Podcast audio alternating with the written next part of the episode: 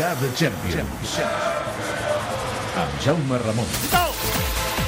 Jaume Ramon, què tal? Com estem? Molt bé, bona Quina tarda. alegria tornar-te a tenir aquí amb nosaltres. Ja fa unes quantes temporades. Cinquena temporada. Cinquena temporada, ja que fas el We Are the sí, Champions. Sí, sí, sí, sí, sí, sí. Uh, per aquells que ara us connecteu al Tot Gira i mai hagueu sentit el Jaume Ramon, cosa que m'estranyaria moltíssim, el Jaume el que fa és cada setmana, cada cap de setmana, previ a jornada de Champions, ens fa un cop d'ull a la resta de la jornada Barça-banda, Mhm. de, amb les millors històries i el que pugui donar de si aquesta jornada. A més a més, ara tens tots els grups, tots els equips i tens moltes històries per poder investigar. Comencem? Avui debutants, vinga. L'aperitiu. Doncs va, si parlem de debutants, equips que s'estrenen en aquesta Lliga de Campions, eh, comencem mirant a Itàlia, l'Atalanta, que serà un dels que s'estrena a la competició. De fet, és l'únic. L'únic equip eh, que debuta a la Champions ve d'Itàlia, que curiosament sempre són de lligues més estrangeres o lligues forànies, però eh, l'Atalanta mai havia participat a la Champions. Estarà en un grup, això sí, bastant complicat, amb el Manchester City, el Dinamo de Zagreb i el Shakhtar Donetsk. Un Atalanta que va sorprendre tothom, recordem la temporada passada, va, que va quedar tercer al Calcio, Només... només molt bona lliga. Sí, només per darrere de la Juve i el Nàpols i per davant d'equips com l'Inter, la Roma o el Milan, equips clàssics amb molt més pressupost, però és que a més, a banda dels resultats, ho va fer amb un futbol molt atractiu i ofensiu. Va ser l'equip que va marcar més gols, més que la Juve, amb 77 gols, i a més també fa una aposta molt interessant pels joves formats a casa. És un club que està vivint ara mateix el millor moment de la seva història i això, que és una història més que centenària, es va fundar l'any 1907.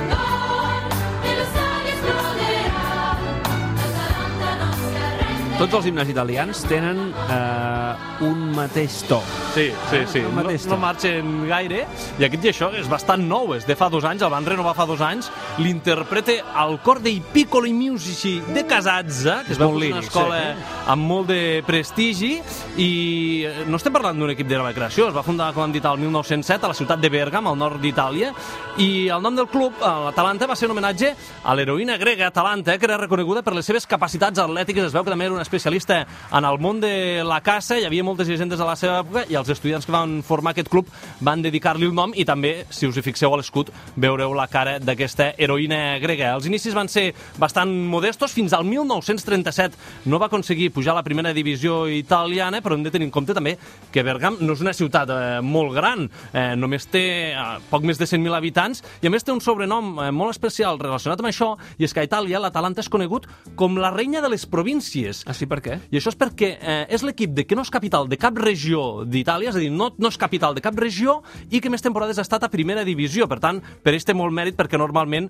on hi ha les grans capitals és on es concentra el poder eh, als calés i fan millors campionats. Això sí, també és l'equip amb 58 edicions que ha estat més temporades al calcio i mai l'ha aconseguit guanyar. De fet, només ha guanyat una Copa d'Itàlia, és el seu únic títol, l'any 1963, i per això consideren que ara estan vivint eh, la millor època de la seva història i de, de la mà del tècnic, que és un personatge bastant interessant. De fet, eh, ara me'n parlaràs, eh, però eh, és un equip que ha pujat al calcio no fa pas tant. Sí. És a dir, va estar a la segona divisió molts anys. És un equip d'aquests ascensors que va pujant i va pujant. Ara han trobat amb eh, Giampiero Gasparini una mica com el seu gran salvador perquè les tres temporades que ha estat dirigint a l'equip sempre l'ha classificat per Europa. Les dues primeres el va dur l'Europa League i aquesta a la Champions, un entrenador que es va formar a la Juve, ja havia estat jugador però sense gran fama, i va estar molts anys al futbol base de, de la Juve als anys 90, està considerat un dels millors tècnics a Itàlia en formació de jugadors, i el 2003 va començar la seva carrera. Eh, al futbol professional com a primer entrenador, va estar per clubs diguéssim, de classe mitjana, el Crotone, el Genoa, el Palerm, li va l'oportunitat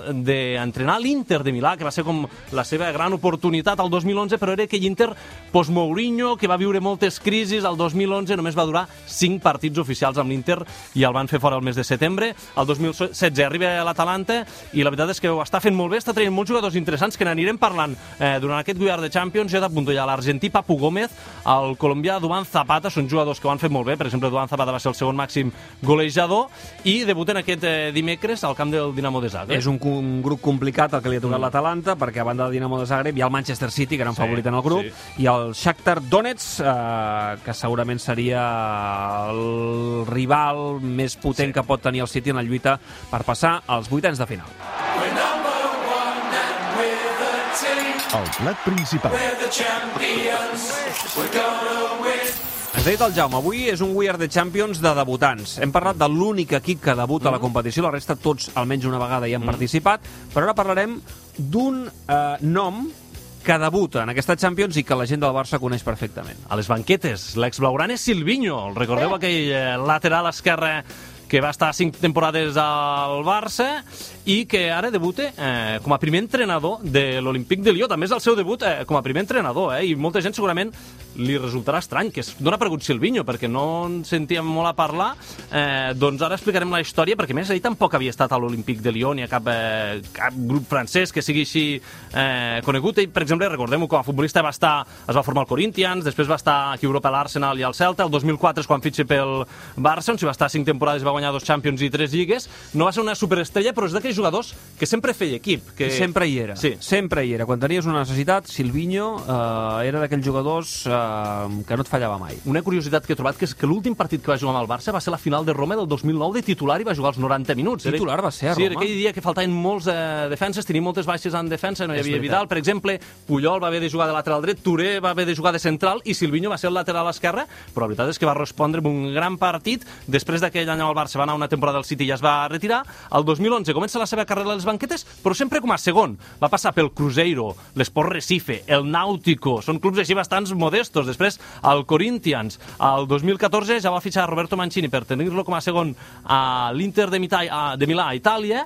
El 2016 va passar a la selecció brasilera amb Tite, on allà ha rebut, la veritat és que molts elogis per la seva feina, diuen que era un dels grans artífecs dels últims bons resultats de Brasil, i fa uns mesos la Federació Brasilera va anunciar que Silvinho seria el seleccionador olímpic de cara als Jocs Olímpics eh, de l'any vinent a Tòquio, dels del 2020, però abans de començar l'Amèrica anuncien que Silvinho no ho podrà ser, que marxa de Brasil i que se'n va a l'Olímpic de Lió. I aquí trobem la relació perquè se'n va a l'Olímpic de Lió, i és que l'Olímpic va nomenar de director esportiu a Juninho Pernambucano. Mm. Te'n recordes a aquell jugador... I Juninho és qui aposta per Silvinho, Exacte. quan de fet eh, ell encara no havia eh, dirigit una, un primer equip, eh? és a dir, s- fins ara sempre com a ajudant, però Sí. mai com a primer entrenador. crida l'atenció perquè fa un salt amb un equip que ja competirà a la Champions, que recordem que l'any passat tampoc va fer tan malament, arribant fins a vuitens on va caure contra el Barça, i ara a l'Olímpic volen iniciar un nou projecte per intentar remuntar eh, contra el PSG, que està guanyant les últimes lligues des del 2008, que no guanyen cap campionat de Ligue 1 a França. Eh, recordem aquella ratxa que van tenir fins a set campionats seguits precisament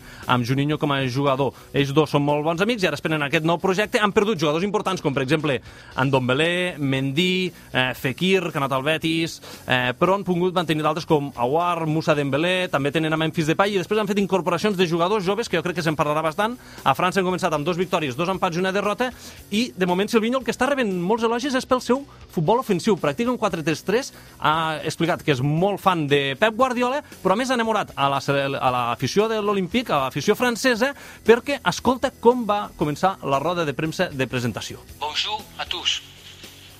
Aujourd'hui est un jour très heureux pour moi. Désolé, je n'ai parlé pas français, mais me vais étudier. As próximas palavras vão ser em português. Aquí parla en portuguès, però ha sentit... Diu- Parla en francès i, eh, i diu que ell no parla el francès, però que estudiarà. Eh? Estudiar francès. També va estudiar el català. Silvinho va parlar en català amb algunes rodes de premsa. Eh, jo recordo dels últims jugadors del Barça que ho ha fet. Potser Touré allà també, però la veritat és que és un jugador que és un jugador ara entrenador que s'involucra molt també amb la cultura, que s'interessa molt per tot el que passa al club i jo crec que pot tenir bons resultats, eh, Silvinho. Si voleu veure la seva estrena amb l'Olímpic de Lió, com a entrenador de l'Olímpic de Lió, eh, dimarts, quan faltin 5 minuts per les 7 de la tarda, el partit de l'Olímpic de Lió, en aquest cas, contra el Zenit de Sant Petersburg. La cirereta del pastís. Vinga, va, i un últim debutant, en aquest cas parlant d'un jugador, Sí? que també té una estreta vinculació amb el Barça, eh, més diferent, perquè es tracta de Yanis Hagi, fill del mític Jika Hagi. Que El fill de Jika mi- jugarà en aquesta Champions? Jugarà en aquesta Champions, debute, 20 anyets, i a més és un jugador d'aquells que els experts ja el marquen com un futbolista molt interessant a seguir i que també té una història curiosa. Eh, ha fitxat pel eh, gang belga, que jugarà dimarts al camp del Salzburg a les 9 de la nit, en aquesta estrena a la Champions, i ha estat un nom perquè també ha estat vinculat fins i tot aquest estiu al Barça B. Era un jugador que sonava per incorporar-se i després pujar al primer equip. També es va vincular, per exemple, he vist notícies que el vinculaven amb el Girona, amb el Manchester City, vinculant-lo amb aquest eh, acord que tenen els dos clubs, o també va sonar pel Sevilla. Finalment ha escollit el gang on seguirà, eh, intentarà fer la seva carrera una mica deslligada de la del seu pare, però la veritat és que estan molt unides. Eh? Ell va néixer el 1998 a Turquia, a Istanbul, quan el seu pare jugava al Galatasaray, que va ser l'últim club on va militar Giga Hagi després de passar per l'Estelau de Bucarest, el Madrid o el Barça. Eh, el Barça, la veritat és que va ser d'aquells jugadors que potser s'esperava més del seu rendiment. Va passar una mica... Van ser dues temporades, van ser... Jo sempre el recordaré per aquell gol a Vigo sí. des del mig del camp. amb boira, Amb sembla, espectacular, Sí. eh? Va ser espectacular. El Maradona dels Càrpats, que en deien, que sobretot el van veure amb el seu millor nivell a la selecció romanesa. A Mundial. També va fer un molt bon Mundial. el- el Diria que als 94, Estats Units, sí, oi? Sí, el Estats Units. 94 va ser El 94, una sí. de les grans estrelles. Després d'uns anys al Galatasaray, eh, ell va penjar les botes, se'n va anar a Romania i allà va fundar l'acadèmia de futbol Giga Hagi. La veritat és que està traient eh, molts bons productes i han invertit molts milions d'euros i a més és un club que aposta sempre molt per la base, de per fet per això es va fundar. Els hi paguen tots els jugadors dels 13 als 18 anys, tant educació, menjar i residència, i la majoria acaben debutant al primer equip i amb resultats. El fill de Hagi, per exemple, va entrar amb 10 anys i al 16, al 16 ja va debutar al primer equip de la mà del seu pare, que primer havia començat una mica com el president del club, però s'avorria als despatxos i va dir jo baixo les banquetes amb aquest club que té el nom de Vitorul Constanza. Ràpidament ja es va començar a crear molta expectació amb Yanis Hagi, sobretot pel cognom, però també per la qualitat tècnica, és que s'hi assemblen molt, domina bé les dues cames, Juga de mitja punta, també. també? juga de mitja punta, molt hàbil, distribueix el joc. A més, també té caràcter i, per exemple, el seu pare el va fer capità ja amb només 17 anys de... Amb 17 anys era el capità ja va jugar l'equip? Sí, sí, sí. Eh, ràpidament, la Fiorentina, hi havia molts equips eh, que li anaven a darrere, la Fiorentina s'hi va fixar, va pagar 2 milions d'euros, a Itàlia. També es va generar molt hype, moltes expectatives, li van carregar molta pressió i això no li va anar bé a Yanis Hagi, que a més de ser molt jove també tenia al darrere tots els focus aquests de, de tenir el nom del seu pare al, a la samarreta, només va jugar dos partits oficials amb el primer equip, la veritat és que la relació no va ser bona amb el director esportiu, al 2018 va tornar al club del pare, fins i tot el pare va criticar durament a la Fiore i va arribar a eh, comparar el director esportiu amb un dictador, vull dir, va ser una cosa bastant... Eh, va acabar bastant malament, i aquest últim any i mig eh, li ha anat molt bé, perquè ha crescut com a futbolista ja molt més madur amb l'experiència d'Itàlia i el Genk ha pagat 8 milions d'euros, és a dir, Home, parlant són molts calés. per un jugador que encara no ha demostrat res, que ara debutarà a Europa i ha preferit eh, tenir ofertes de potser clubs més llaminers, però ell vol créixer en un club on pugui eh, sentir-se important. Jo crec que el Genk belga, sense tants focus mediàtics, segurament ho podrà fer. Està en un club bastant complicat, Salzburg. Sí, Salzburg, Liverpool i Nàpols. Eh? Tela, tela, és dos grups complicats, complicats. Debuta al camp del Salzburg. Correcte. Uh, per tant, uh, podreu veure Yanis Hagi, el fill de Gica Hagi, el podem seguir en aquesta Champions amb el Genk, l'equip de, de Bèlgica. Jaume, uh, molt bona estrena. Ens Eh, veiem a la pròxima. De cara a la segona jornada, cap de setmana abans de la segona jornada de Champions, tornarà el We Are the Champions. Adéu-siau. Adéu.